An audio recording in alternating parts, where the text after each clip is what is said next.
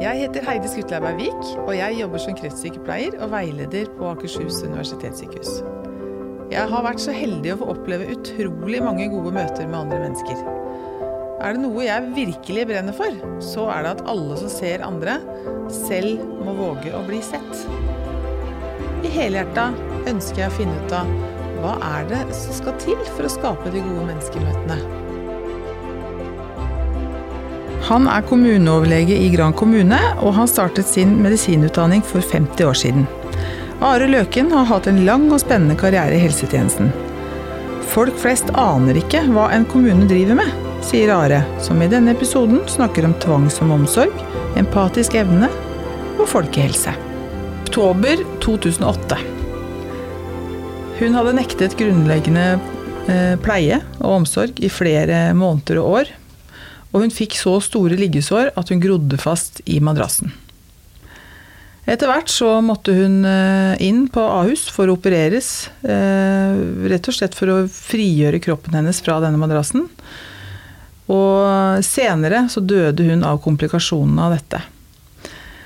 Denne dama nekta altså grunnleggende pleie og omsorg.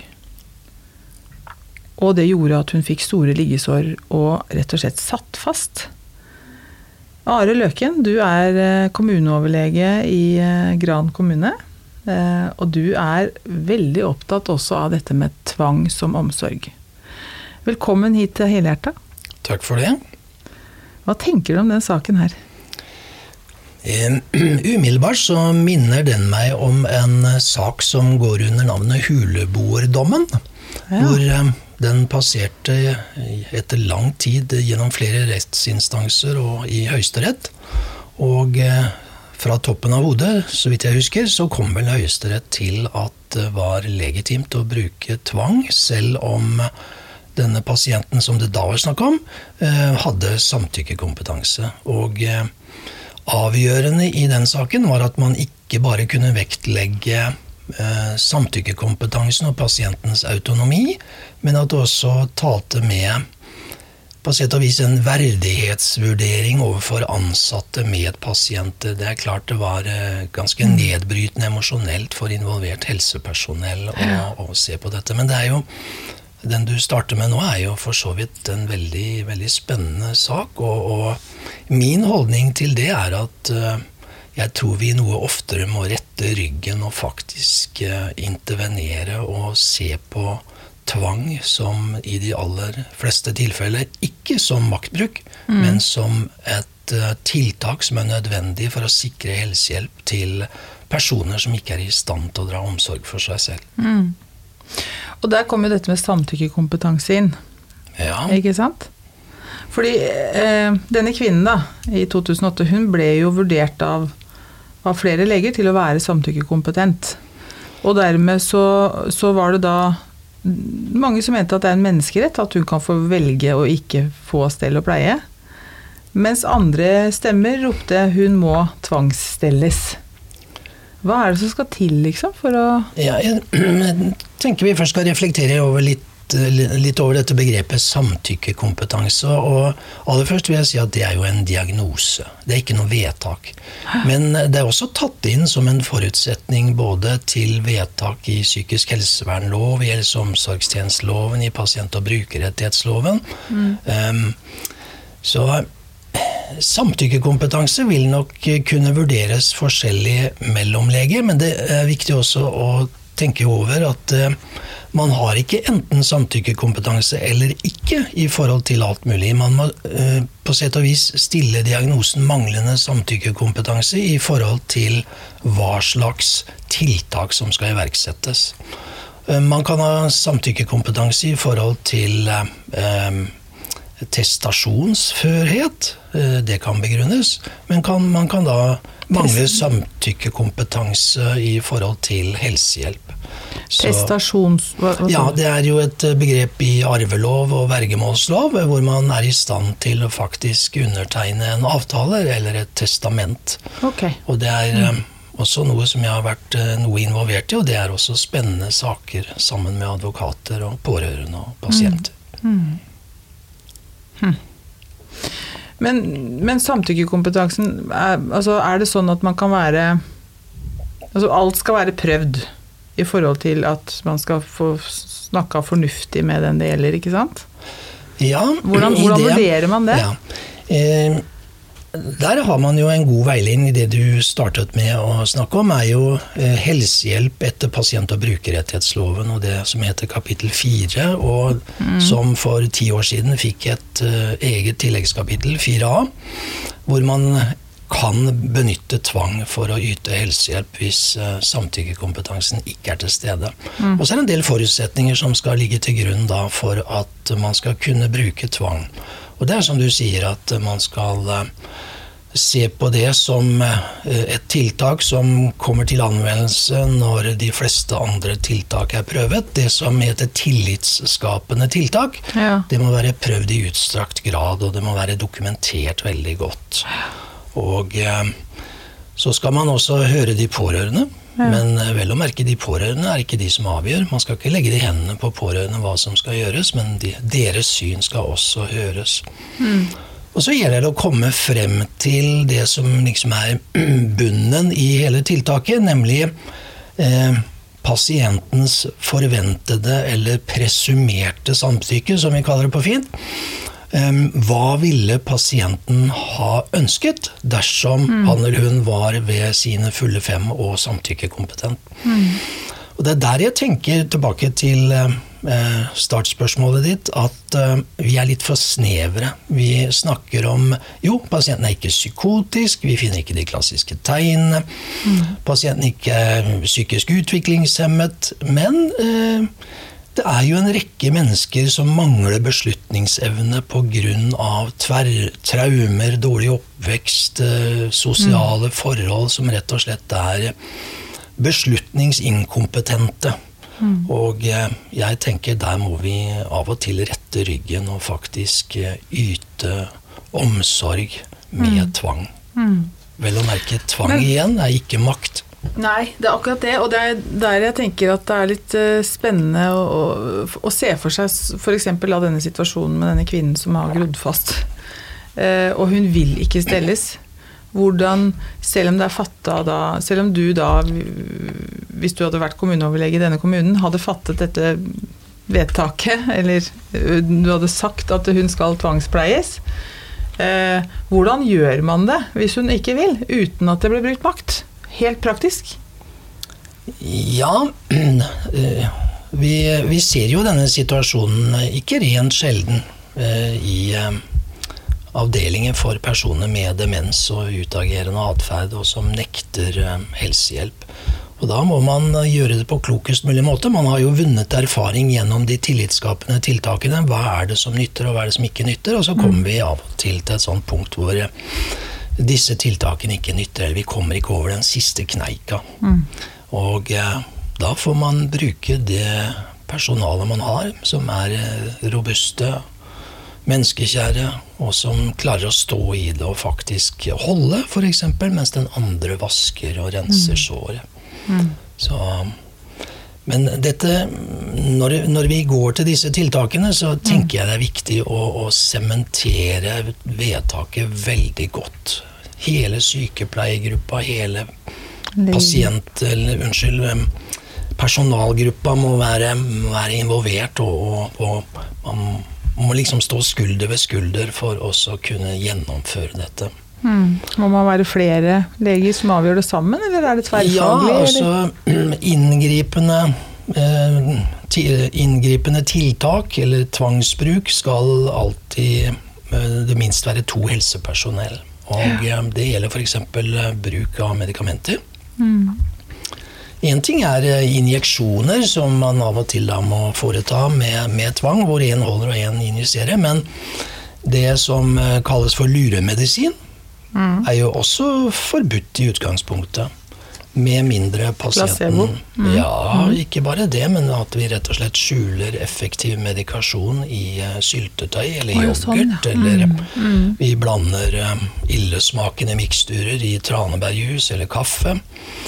Og dette skal dokumenteres, og det må man vite hva man gjør. Og dette er selvfølgelig noe som går i kopi til Fylkesmannen, og hvor Fylkesmannen har innsigelsesrett og kan omgjøre vedtaket. Ja, ja. Så dette skjer åpent og er helt legitimt. Det skulle egentlig bare mangle at en pasient som har alvorlig demens, og som har hjertesvikt og trenger sine hjertemedisiner, men som nekter å ta medisiner, og vi får det ikke til på annen måte, ja, så lurer vi faktisk i pasienten Litt i mat og drikke. Ja. Men her skal det alltid være minst to helsepersonell. Der jeg- arbeider, på avdeling for personer med demens og atferdsforstyrrelser, så er det for så vidt jeg som skriver og fatter vedtaket, men det er alltid samråd med, med avdelingsleder og postsykepleier. Og Jeg tenker at eh, vi skal ikke finne på å gjøre noe hvis det er vektige innvendinger i personalgruppa. Det, blir, eh, det blir helt galt. Du Are, du er eh, kommuneoverlege i Gran, som sagt. Ehm, fortell litt om jobben din. Eller hvem er du egentlig? Ja, jeg er, eh, jeg er lege. Jeg eh, ser jo nå at om en uke så er det 50 år siden jeg startet på medisinstudiet i Zürich i Sveits. 19 år gammel og full av angst og beven og med skoletysk i bunnen. Så jeg hadde en fantastisk studietid i Sveits, og eh, som eh, stort sett på slutten av medisinstudiet så er du helt på toppen av verden og tror du kan alt. Og, Ja. og så kommer man i norsk turnus, og så ville tilfellet det at jeg eh, havnet i allmennpraksis på hjemstedet. Der var jeg i 22 år. Og sånn innimellom så var jeg i Legeforeningen sentralt, satt i landsstyret i seks år, sentralstyret i to år, var leder i Allmennlegeforeningen i Norge i fire år. Mm. Så ble jeg eh, skilt mens familien var i eh, USA. Det var ganske traumatisk, egentlig. Ja. Og eh, eh, da tok jeg med mine to gutter tilbake til Norge og bodde med dem alene i seks år. Ja. Jeg er jo privilegert å kunne ha hjelp fra både innleid hjelp, og jeg fikk vaktfritak, og eh, jeg hadde en eh, hyggelig og fin kjæreste. Og så traff jeg min eh, nåværende kone og flyttet til eh, Hadeland i Ja. 97. Så siden har jeg bodd der de 22 år. De første årene på Hadeland så var jeg allmennlege på Brandbu. Og eh, sykehjemslege i tillegg. Og startet ut med hukommelsesteam etter eh, modellen av eh, Hukommelsesklinikken på Ullevål. Veldig givende. Og så, som det ofte skjer i livet, så tok det andre veier. Jeg fikk anledning til å bli administrerende overlege i Sentrum Røntgen i Norge i år 2000, og der var jeg til instituttet ble solgt i 2009. Og da var det tilbake til praksis, og rett etter at jeg var fylt 60 år, så tiltrådte jeg som kommuneoverlege i, i Gran. Og der har jeg vært de siste ti årene. Det syns jeg er en eh, fantastisk fin jobb, sånn på tampen av yrkeskarrieren. Er det ikke ganske mye? Det er eh, mangefasettert. Og jeg tenker at i tillegg til å ha legeskolen, så er det godt å ha livets skole i den forstand at du har opplevd noe personlig, men at du opplevde mye faglig og truffet eh, helsevesenet på veldig mange steder og på veldig mange måter. Så det syns jeg har eh, gjort kommuneoverlegen min kommuneoverlegejobben min lettere. Jeg har jo ikke en full stilling i samfunnsmedisin, som for så vidt er det faget som en kommuneoverlege utøver. Jeg har eh, 60% i eh, det som heter kultur og samfunn hos oss, som eh, samfunnsmedisiner, og så er jeg 40% i helse og omsorg. Så, men eh, en kommuneoverlege gjør veldig mye rart. Ja. Ja. Hva er det mest spennende? Ja, jeg tenker jo nettopp det at eh, I og med at jeg har så lang fartstid i allmennlegepraksis, som jo også er, en sånn eh, jack of all trades i, i medisinen, så blir på sett og vis eh, en eh, kommuneoverlege også en sånn jack of all trades, men med samfunnsperspektivet. Jeg, mm. jeg syns jo det er spennende veldig mye, men jeg må nok si at den delen hvor jeg er klinisk arbeidende med demensomsorg. Vi har en fantastisk flott demensavdeling i, i Gran. Mm. Utmerket, utformet etter alle kunstens regler og med flott personale. Og uh, miljøterapeutisk så fungerer det flott. Og så er jeg da lege i hukommelsesteamet. Ja. Eh, det er kjempespennende. Også, Hva gjør du da? Ja, da mottar vi jo eh, pasienter og pårørende etter mm. henvisning fra eh, fastleger, fra hjemmetjenesten, etter bekymringsmeldinger fra pårørende om at eh, som regel en eldre person har kognitiv svikt. Ja. Og da gjør vi en utredning hvor uh, vi møtes, en sykepleier og, uh, og, jeg. Og så har vi et åpningsmøte med pasient og pårørende. Så sitter jeg en time eller halvannen og gjør forskjellig skalering og tester med, mm. med pasienten. Og samtidig så gjør jo eh, sykepleier, som er eh, geriatrisk sykepleier, demenskoordinater, vel mm. trent i dette, mm. et komparentintervju, altså et pårørendeintervju med forskjellig skalering av uh, hva pårørende opplyser. Mm. Vi, vi, har hatt eh, tidligere besøk av en geriatrisk sykepleier som fortalte litt om det ja. der.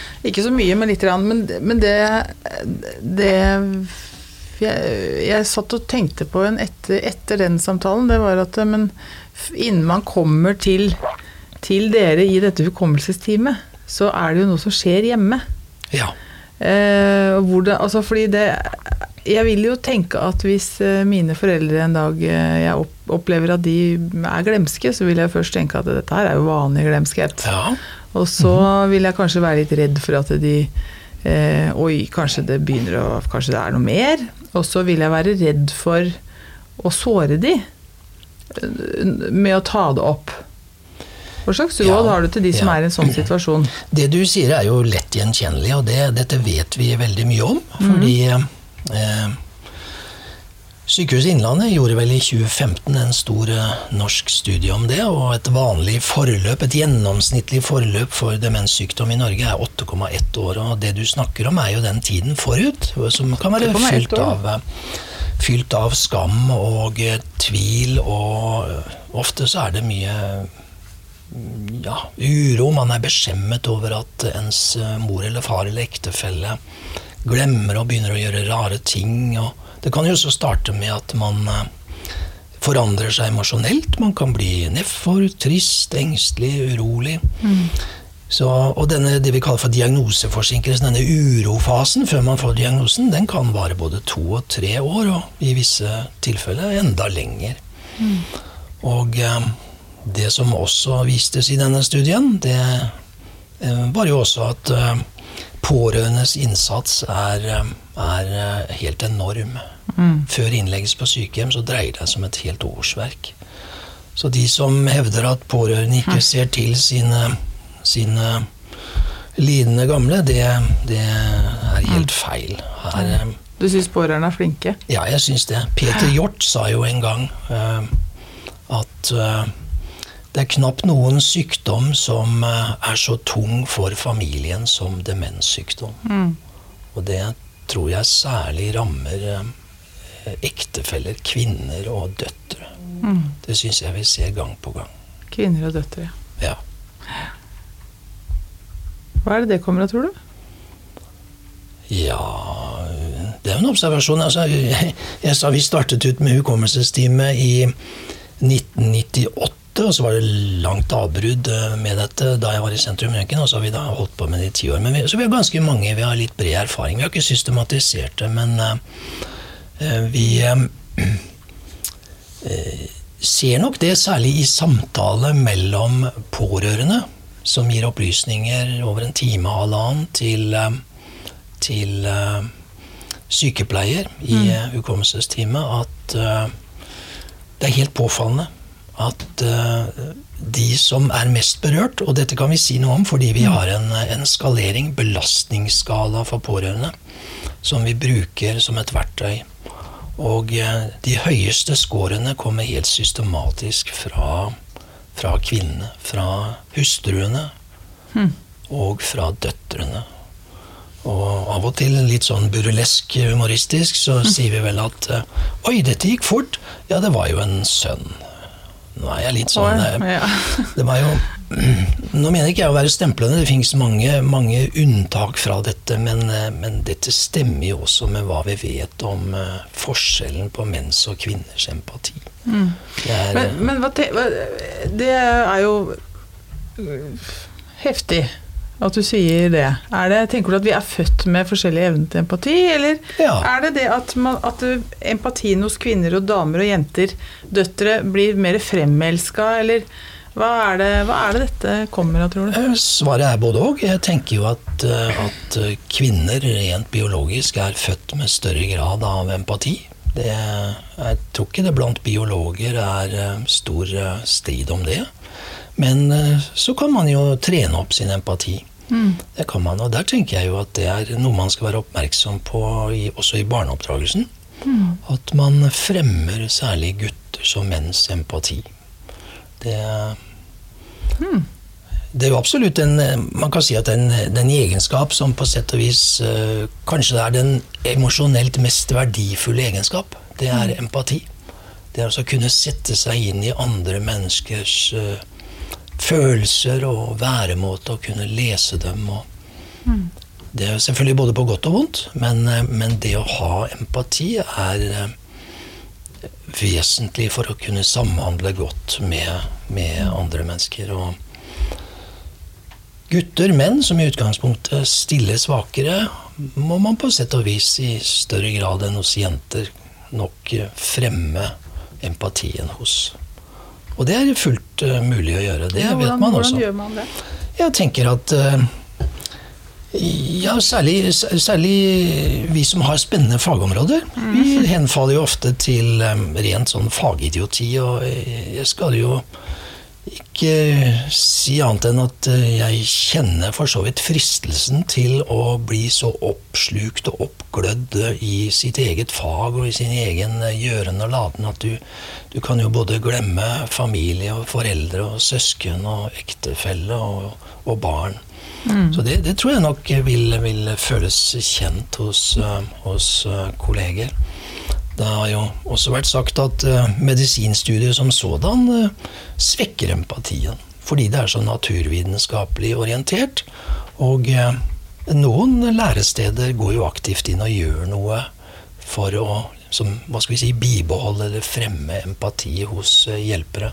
Mm. Så det å, være, det å være lege er jo som det heter Men, men tror du ikke det å være lege også handler om at altså det at det ofte, det ofte kan virke som at legen har mindre empati, fordi, både fordi at eh, det er så mange det er så mye kunnskap som skal på en måte sorteres underveis mens man tar en anamnese, f.eks.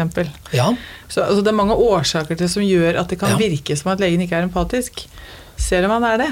Eh, det eller, har du helt rett i. Ja, det er klart. Eh, veldig ofte når det gjelder somatisk sykdom særlig, så må man jo selvfølgelig gå metodisk og og hva skal vi si, naturvitenskapelig til verks. Og det, mm. det, jeg mener ikke å si at det ene utelukker det andre, men, men eh, man må hele tiden vise en genuin interesse i å lytte til hva pasienten faktisk sier. Mm.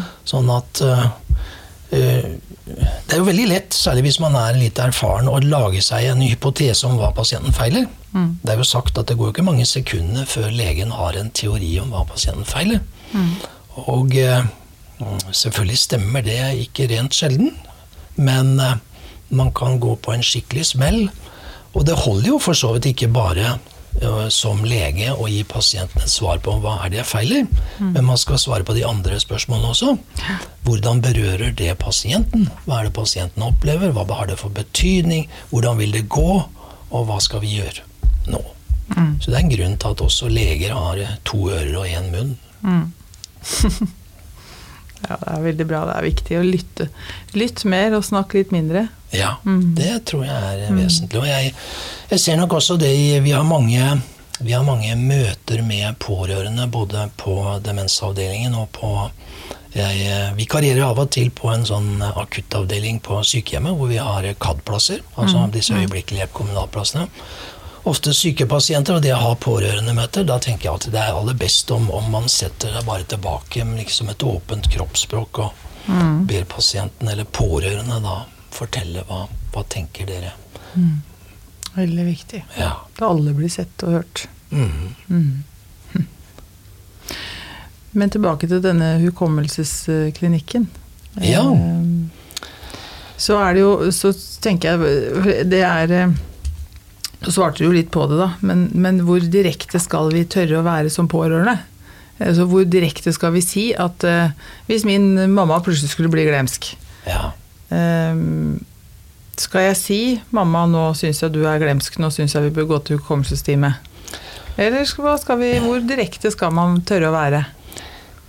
Jeg tror ikke jeg tør å gi noe standardsvar på det. Det kommer an på relasjonen som er bygget opp mm. gjennom uh, oppveksten til datteren eller sønnen og, og forelderen. Så vi ser nok alle avskygninger. At det går lang tid, ingen har turt å si noe. Så er det gjerne hjemmetjenesten som kommer med et innsmett, eller det er fastlegen. Så, um, sånn sett så har vi for så vidt åpne kanaler og henvisningsveier fra, fra alle som ønsker det. Og ja. Ja. pasienter kan også henvende seg selv. Det ja. kan de. Er det noen som gjør det? Ja, det er det faktisk. Og, um, er de veldig redde, da? Ja, da, da, er det ofte de merker at de blir glemske, og så kan vi for så vidt gjøre en test. Og så må vi også ha komparentopplysninger, altså en pårørende med. Og så finner vi at nei, det er nok ikke noen demenssykdom, men, men av og til så stiller vi en sånn ventediagnose. Mm. Mild kognitiv svikt. Og så mm. ber vi dem komme tilbake om et års tid. Mm.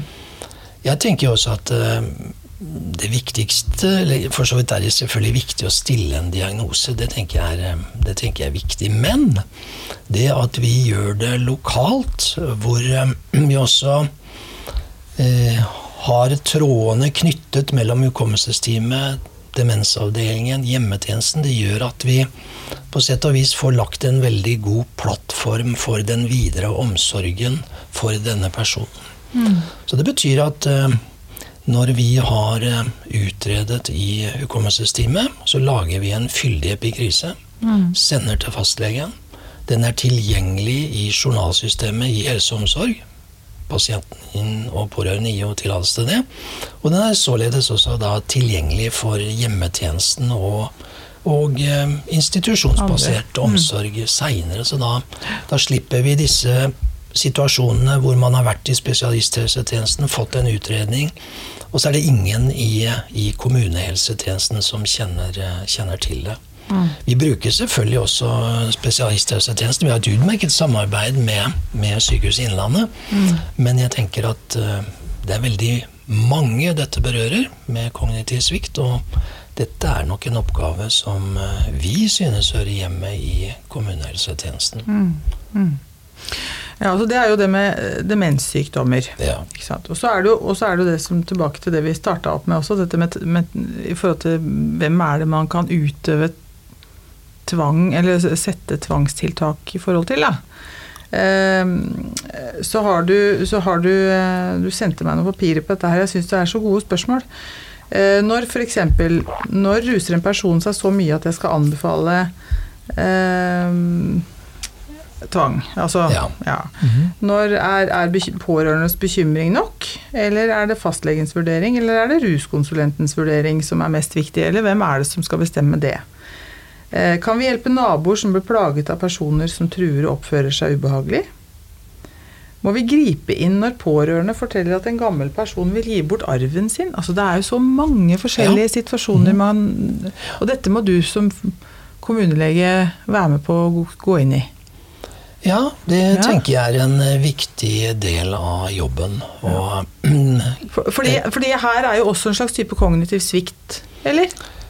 Ja, det Når kan man... være kognitiv svikt, men det kan også være eh, rett og slett vrangskap og eh, eh vrangforestillinger. Det kan være psykisk uhelse, det kan være mm. ren psykiatri, men, men, veldig ofte så ser vi bitterhet, gammelt fiendskap, altså alt annet enn kognitiv svikt som ligger til grunn. Og da tenker jeg at um, da gjelder det å bruke det vi kommuneoverlege kaller for helsediplomati. Det å prøve å gå inn til kjernen av problemet og høre de involvertes syn.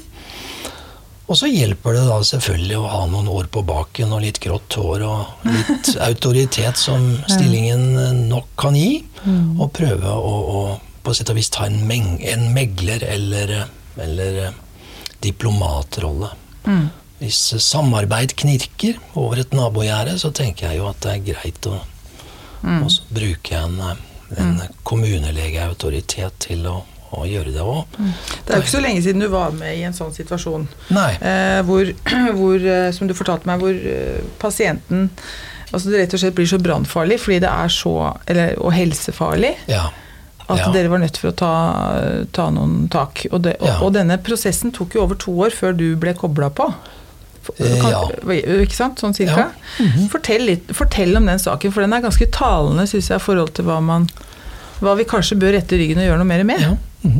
Eh, da har jeg lyst til å starte med hva slags saker er vi snakker om. Jo, det er de som, når det går riktig skeis, de havner på førstesida i VG, og så står det at kommunen hjalp ikke den og den. Kommunen lot gammel dame ligge alene og forfryse, eller kommunen lot eh, den og den brenne inne. Eller fikk ikke helsehjelp. Og det er, jo, det er, jo, slike tragedier som, eh, som, vi må prøve å agere i forhold til å, å unngå. Mm. Eh, det du sikter til, det var da en fastlege som involverte meg fordi hun hadde gjennom tid forsøkt å få hjemmetjeneste og eh, sosialdelen av Nav-kontoret til å agere overfor en, en eh, eldre dame som bodde alene, men nokså pent hus. Hun var ikke psykotisk, hun var avgjort samtykkekompetent, men vrang og bitter og uten kontakt med sønner, og hadde vel knapt sett barnebarn som var 18 år gamle blitt. Mm. Og eh, Fikk du vite hvorfor hun var så bitter og vrang? Ja, eh, det skal jeg nok ikke våge meg til å deklarere fullt ut, men jeg fikk i hvert fall lov å komme hjem eh, til eh, dette huset, og hun tok imot, og det var jo søppel og skrot og møkk over det hele. Og hvor hun sitter og røyker, og det var nesten ikke mulig å se gulvet, det var ikke mulig å se bordet. Og eh, komfyren var ikke mulig å bruke, og det var ikke noe kjøleskap som var eh, brukende. Hun hadde rimelig god økonomi, og eh, faktisk så kjørte hun bil. Oi. Hun var ikke medikamentmisbruker, og sånn sett så involverte jeg jo da Nav Sosial, som fikk lov til å komme med, eh, sammen med meg. Og så kom vi med, med, tilbud. Og når jeg sier tilbud, så er det alltid på sett og vis hekta på en del betingelser. Mm. Og jeg liker godt, uh, ved siden av dette med helsediplomati, så liker jeg godt dette ordet 'lindrig press'. Mm. Og det er på sett og vis uh, Uten å si det, så, så bruker man for så vidt en del forutsetninger som eh, for å gi hjelpen. Og hun, hun, så jo selv etter hvert at det var helt forferdelig, og likte jo ikke å bo slik. Men eh, da ba jeg Nav om å komme med et uh, tilbud om en, en, Det er jo ikke snakk om vask, det er jo snakk om en full renovasjon hvor man mm. bruker spesialfirma mm. for å gjøre dette. Det var urin og avføring og Ja, det var det. Det var, mm. det var bøtte toalettet var jo ikke brukende. Det var urin og avføring i bøtter, og madrassen var ødelagt, og det var helt forferdelig. Mm. Og eh, initielt så ville jo ikke Nav ta i dette, for det ble veldig dyrt. Og da eh, igjen så trommet jeg sammen eh, ansvarlig kommunalsjef og sa som så at eh, vi har valget mellom å gjøre noe eller om et år å havne på forsiden i VG. Mm. Og det valget syntes vel kommunalsjefen var rimelig enkelt, mm. så da kom det midler til å gjøre dette. Det som jo var fint, var jo at eh, huset ble jo aldeles strøkent og nydelig. Ja, For da måtte dere ha midler til ja. sanering? Ja da. Mm. Men det var så ille der at det var jo også sånn at var det ikke noen saneringsfirma som takka nei? Jo, det ja, var det. det sier Men vi litt. fikk et spesialfirma fra hovedstaden. Det ja. gjorde det. Men um, Eh, så kunne man jo tro at eh, alt var vel og bra, og at eh, denne personen var takknemlig. Men nei da. Det var kjeft å få fordi gardinene ikke var hengt opp riktig. og Madrassen, den nye som kommunen hadde kjøpt, ikke var lagt rett på plass. Um, og det var forsvunnet noen medisiner og noen regninger underveis. Så, mm. så, jeg tenker at eh, når man er med på slikt, så skal man ikke forvente verken noe takknemlighet eller noe heltestatus. Det er bare en jobb som må gjøres, og så må du på sett og vis involvere dem som faktisk skal ha med saken å gjøre. og da var det snakk om hjemmetjeneste og vaskeriet på sykehjem, og det var mm. Nav, og det var ikke måte på hvor positivt uh, det var alt sammen, men, mm. men, men noen men må ta føringen. Men så har du da pasienten syke oppi alt dette her. Ja. For det er en grunn til at man samler og møkker rundt seg. Ja, ja da. Så, så, samtidig med at dere gjorde alt det praktiske for å hjelpe henne, så, så regner jeg med at hun, hun måtte møtes på i forhold til å ta imot hvordan ja. det var for henne at hennes forsvar ble litt borte, da? Eller ja, da. tolker jeg det ja. riktig? Ja da, vi klarte jo å få en allianse med en av barna, slik at hun under saneringen kunne være tre døgn hos, hos ham. Så det var jo for så vidt en, en gevinst, bare det. At det ble opprettet kontakt med, med barn og etter hvert barnebarn. Mm. Eh, du spurte jo hva var det som gjorde at hun var så bitter. Ja, det er vel de arr som et langt liv med hva skal vi si, wrongful life faktisk gir. Så det var nok ikke tiden for å penetrere altfor mye. Men mm. det er nok eh, Da jeg sier at eh, samtykkekompetanse er én ting, men beslutningsevne Mm. Det er for så vidt eh, noe videre enn det. Mm. Noen mangler beslutningsevne og går faktisk til grunne i søppel og rot og skrot og møkk. Altså. Mm.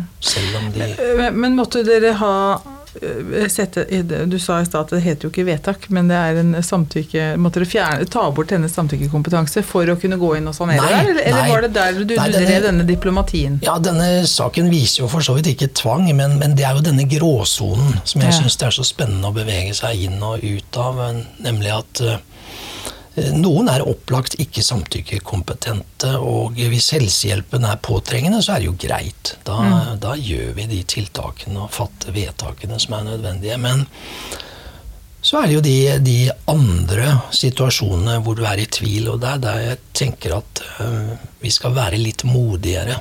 Mm. Fordi det er såpass mange i vårt samfunn som mangler beslutnings- og handlingsevne.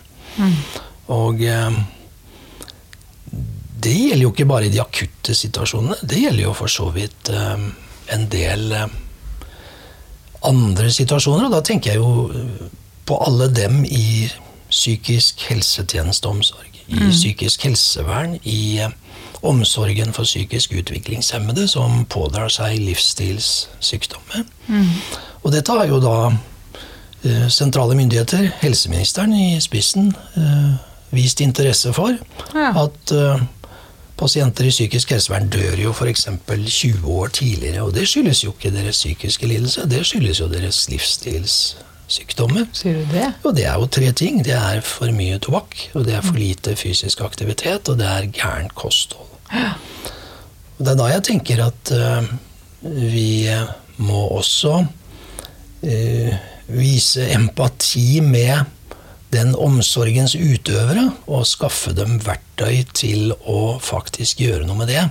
For hvis helseministeren mener at vi skal gjøre noe med denne 20 års reduserte levealderen for disse pasientene, så må vi også ha bedre verktøy. Det pekes jo selvfølgelig på at det er større grad av veiledning, men mange av disse mangler jo beslutningsevne. Og hvis vi overlater dem til å handle selv, spise det de vil, eh, bevege seg så lite som de faktisk velger å gjøre, og røyke så mye som de gjør, mm. så kommer vi ikke til å se noe bedring på, på dette området. Mm. Så det er holdningsskapende Jeg tenker det er både holdninger, og det er eh, for så vidt en aksept for en større grad av eh, Nå vil jeg si maternalisme mm. i omsorgen. Eh, dette er jo stort sett kvinner som har omsorgen for mm. disse, så la oss bruke uttrykket maternalisme mm. i denne omsorgen. At man, man tenker litt mer sånn som man gjør i barneoppdragelsen. Altså Den gode forelder, det er jo ikke den autoriteten det, det, er jo ikke den autoritære, det er heller ikke den ettergivende, men det er mitt midtfeltet. Mm. Det er den autoritative. Både den som kan gi kjærlig omsorg, og den som kan gi rettesettelse og grensesetting. Ja. Og det tror jeg også vi må innføre i noen grad i, eh, i omsorgen for disse som mangler egen beslutningsevne. Mm. Og jeg syns vi på mange måter eh, svikter dem ved å late som om de er beslutningskompetente og faktisk er i stand til å gå i butikken og velge seg de sunne varene. Det kan de jo ikke. Så hm. Det er selvfølgelig ikke noe enkeltfelt. Vi skal ikke tråkke på disse. Vi skal vise dem eh, Eh, varm og kjærlig omsorg. Og er, du, er du ute og veileder dine fastleger, eller fastlegene i Gran kommune om disse tingene? Eller sykepleierne, eller hvordan? Det er nok først og fremst um, tjenesteutøverne i, um, i, hjemmetjeneste, i uh, sykehjem i noen grad, i tilrettelagte tjenester. Mm. Og um, det er oppgaver som jeg gjerne tar på meg, og som ja. jeg nok synes vi kanskje kunne kunne snakke mer om og problematisere. Ja. Så. Hm. Du sa noe om, når vi snakka litt på forhånd her, så, så snakka du om noe om din rolle i forhold til det med å bygge tillit og, og det å, å, ha noen år på baken. Fordi at du Man trenger å ha litt sånn eh, Å være litt sånn olje. Si litt mer om det. Ja, altså den viktigste verdien, tenker jeg, i forhold til å være en god helsediplomat, det er å vinne tillit. Mm. Og um, ofte så ser jeg jo at ting skjærer seg fordi uh, det er en eller annen misforståelse, eller det er såret stolthet, eller det er, eh, det er uh, gammel uh, agg eller vrangskap. Og da tenker jeg nok at jeg må være den som heller olje på vannet hvis det er opprørt. Mm. Hav. Og olje i maskineriet hvis det knirker. Og det, gjelder, det kan jo også ja. gjelde de som er ansatt i kommunen, ja, tenker jeg. Er du, er du leder, når du er kommuneoverlege, er du da leder for legene, eller nei, er det for nei. hele tjenesten? For det, det her vel, gjelder vel det samme i alle ja. kommuner, ikke sant? Altså, eh, Kommuneoverlegen er stort sett eh, kommunens eller lokalsamfunnets medisinskfaglige rådgiver. og Sånn sett så agerer vi jo overfor skoler og barnehager og tekniske tjenester og barnevern og jeg vet ikke hva, og publikum. Ja. Men eh jeg er ikke leder for noe som helst. Jeg har ingen ansatte, jeg har ikke noe budsjett. Så sånn sett så er jeg jo lykkelig uansvarlig i forhold til at uh, jeg kan gi råd. Og så mm. blir det opp til dem som får rådene, å lytte til meg. Mm. Det gjør det. Mm. Eh, langt de fleste kommuneoverleger har denne litt frie stillingen som, som rådgiver. Og så kan vi jo da i visse sammenheng fatte vedtak. Det gjelder for så vidt i forhold til noen forskrifter. Miljøretta helsevern i skoler og barnehager. Mm. Eh, det er så, men, men, stort sett så går det på tillit, og at noen synes at de rådene du gir, er kloke og rimelig vettuge. Mm. Du virker rimelig vettug når du sitter Jeg tror jo Eller la meg si det sånn. Jeg ble jo 60 år før jeg begynte i en norsk kommune. Mm. Og eh, det må jeg si var veldig spennende, fordi folk flest aner ikke hva en kommune driver med. Og det er altså en mastodont av en virksomhet som mm. er eh, ikke mindre enn imponerende hva man steller med. Folk skulle bare visst, i sin mm. kritikk mot eh, kommunen, så skulle man bare visst hva faktisk eh, kommunen steller med og har ansvaret for av lover og forskrifter og rundskriv og retningslinjer.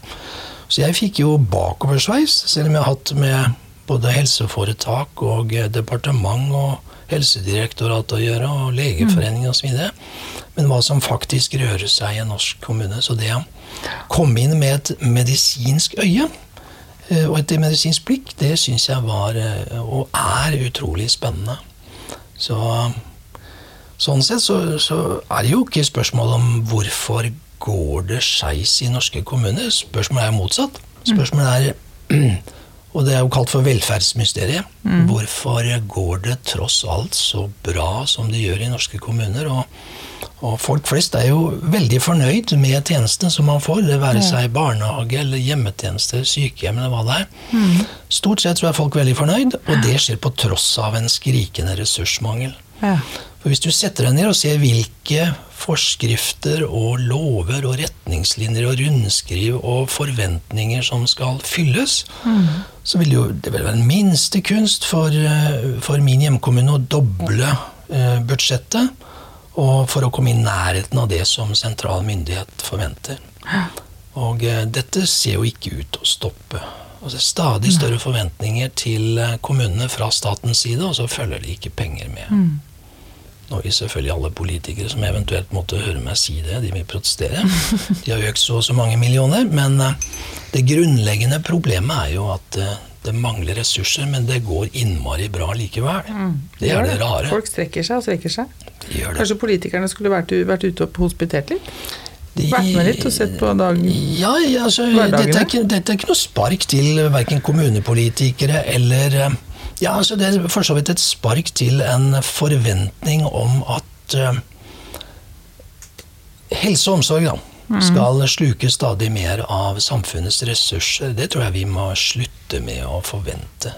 Altså, vi må ha penger til uh, skoler, barnehager, infrastruktur.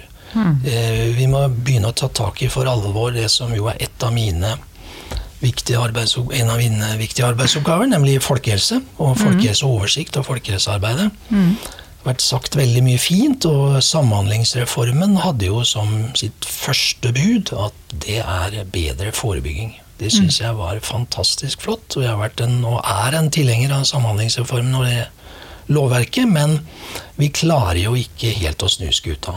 Vi, vi reparerer og reparerer, og det er jo et evig press i forhold til mer reparasjon og mindre forebygging. Jf. det jeg sa om, om hva vi faktisk unnlater å gjøre overfor de som er i psykisk helsevern. Og, Ja.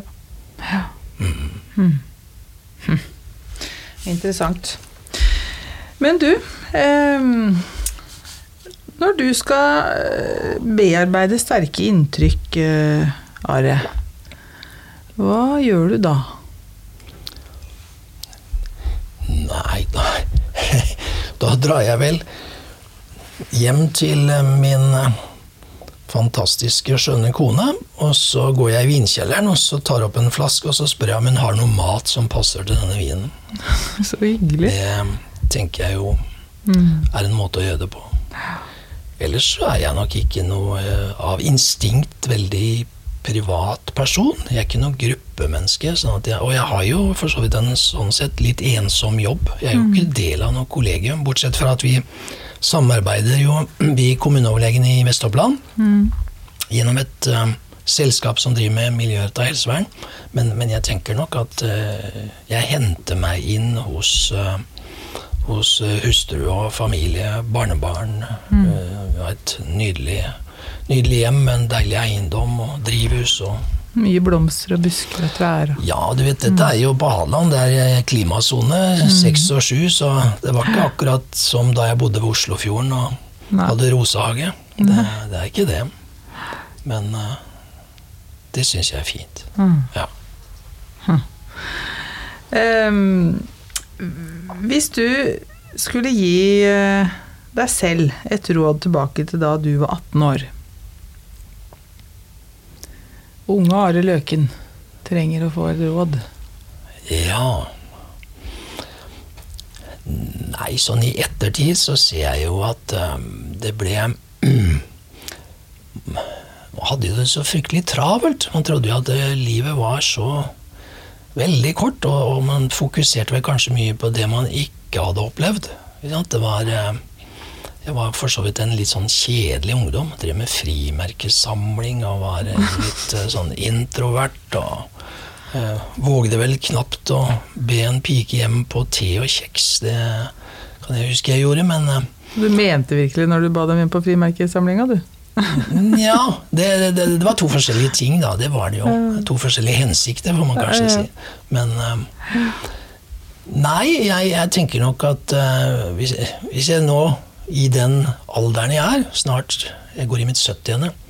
så tenker jeg jo at jeg eh, ville si til 18-åringer at jeg ikke, ikke ha det så forferdelig travelt. Altså, du, om du ikke har opplevd alt mulig rart og, og aparte når du er 18, så, så er det en tid for alt. Og så er det mye av det man tror man skal oppleve når man er 18, som egentlig ikke er så veldig mye verdt å oppleve i det hele tatt. Nei. Sånn, takk. Mm. Ja. Men du har opplevd mange gode menneskemøter, regner jeg med, gjennom dine år. som både Ja. privatperson og yrkesperson. Vil du fortelle oss om et av disse møtene? Som har betydd noe ekstra for deg, eller? Ja, da tror jeg eh, Jeg tenkte litt på det da jeg ble utfordret på det forut for eh, denne samtalen. Og, og da kom jeg på Da jeg eh, var i sykehustjeneste for å bli det som het allmennpraktiker DNLF, altså forløperen til spesialist i allmennmedisin. Det var i 80. Da var jeg på en barneavdeling og eh, hadde primærvakt. Og så var det nok tradisjon i den byen at uh, syke barn droppa inn på barneavdelingen nesten som en sånn barnelegevakt, og det var litt uh, lite populært. Eh, allmennlegene lot det skje. Og så kom det en kveld. Et eh, ungt ektepar, helt oppøst og frustrert, med en eh, Han var vel halvannen-to år. Og han var smekkfull av eksem og klødde, og han hadde ikke sovet, og han gråt, og han hadde infisert eksem over store deler av kroppen, og foreldrene var jo helt på tuppa og nesten Ja, og da tenkte jeg i min ungdommelige ukunne at eh, ja, hva gjør nå de her? Eksem på en barneavdeling? Så ringte jeg til bakvakta, min eh, fantastiske gamle overlege, Christian Harnes. Han glemmer jeg aldri. Så sier han 'Are, jeg kommer ned'. Og så kommer Christian ned, og så ser han på ungen, og så ser han på foreldrene, og så henter han fram en av de eldste og flinkeste hjelpepleierne, og eh, hun tar barnet, og da blir det klibad og sånn renselsesbad, og det var smøring og nærmest sånn reiving. Det er vel ikke mange som vet hva reiving er, blir nærmest tulla inn som en mumie. Ja. Og man får godt med kløstillende og søvndyssende dråper. Og foreldrene fikk hver sin madrass, og de fikk te, og de fikk noe å sove på, de også. Ja.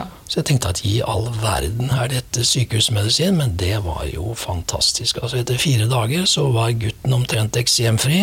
Foreldrene var lykkelige og uttrykte noe som jeg ikke glemmer. Altså, eh, dere reddet livet livet vårt.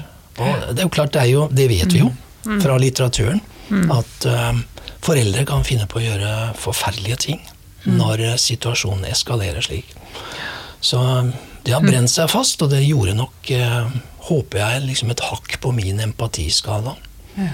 At eh, gamle overlege Christian Arnes, han eh, tok grep. ja. Han forsto. Han forsto. Det var jo ikke noe vanskelig medisin, men samtidig var det jo det eneste rette å gjøre. Jeg har jo flere sånne opplevelser også, men det er kanskje den som sitter best. Ja.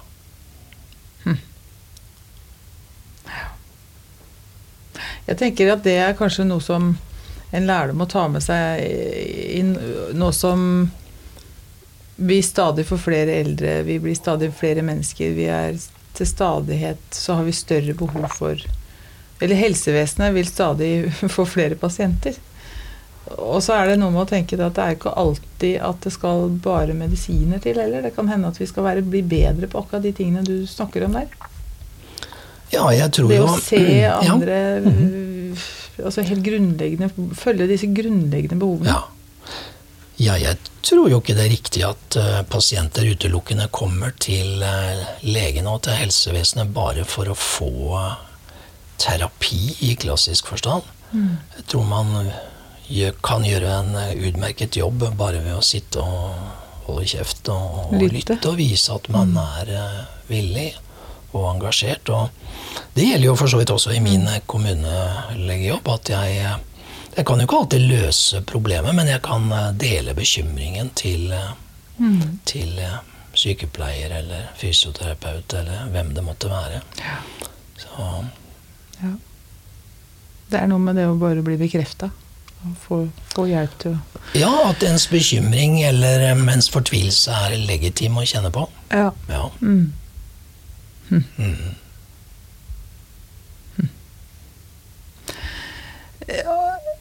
Denne, det heter jo helhjerta, dette her. Har, du, har du et helhjerta råd til lytterne våre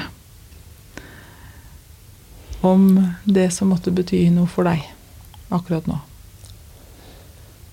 Ja Jeg tenker jo ut fra eget levd liv og profesjonell gjerning med mange fasetter at det måtte være Tren din empati. Altså, prøv å se andre. Fordi av instinkt, så særlig vi menn vil nok eh, være veldig opptatt og fokuserte, men prøv å se den andre. Mm. Og det gjelder også de, det gjelder de nære, de kjære, men det gjelder også i pasientmøter. Og jeg tenker også i møter med, med kolleger og andre profesjoner. Så vær var på å som se den andre.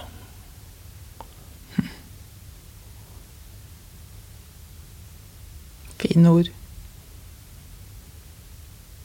Tusen takk, eh, Are Løken, for at du kom hit og delte med masse god og klok erfaring og mye kunnskap. Takk for at du kom. Takk for at jeg fikk komme. Helhjerta er en podkast fra Kompetansebyråen. En digital plattform for samhandling og kompetansedeling i helsetjenesten. Personer som blir omtalt i pasienthistorier, er enten anonymisert eller har gitt samtykke til deling.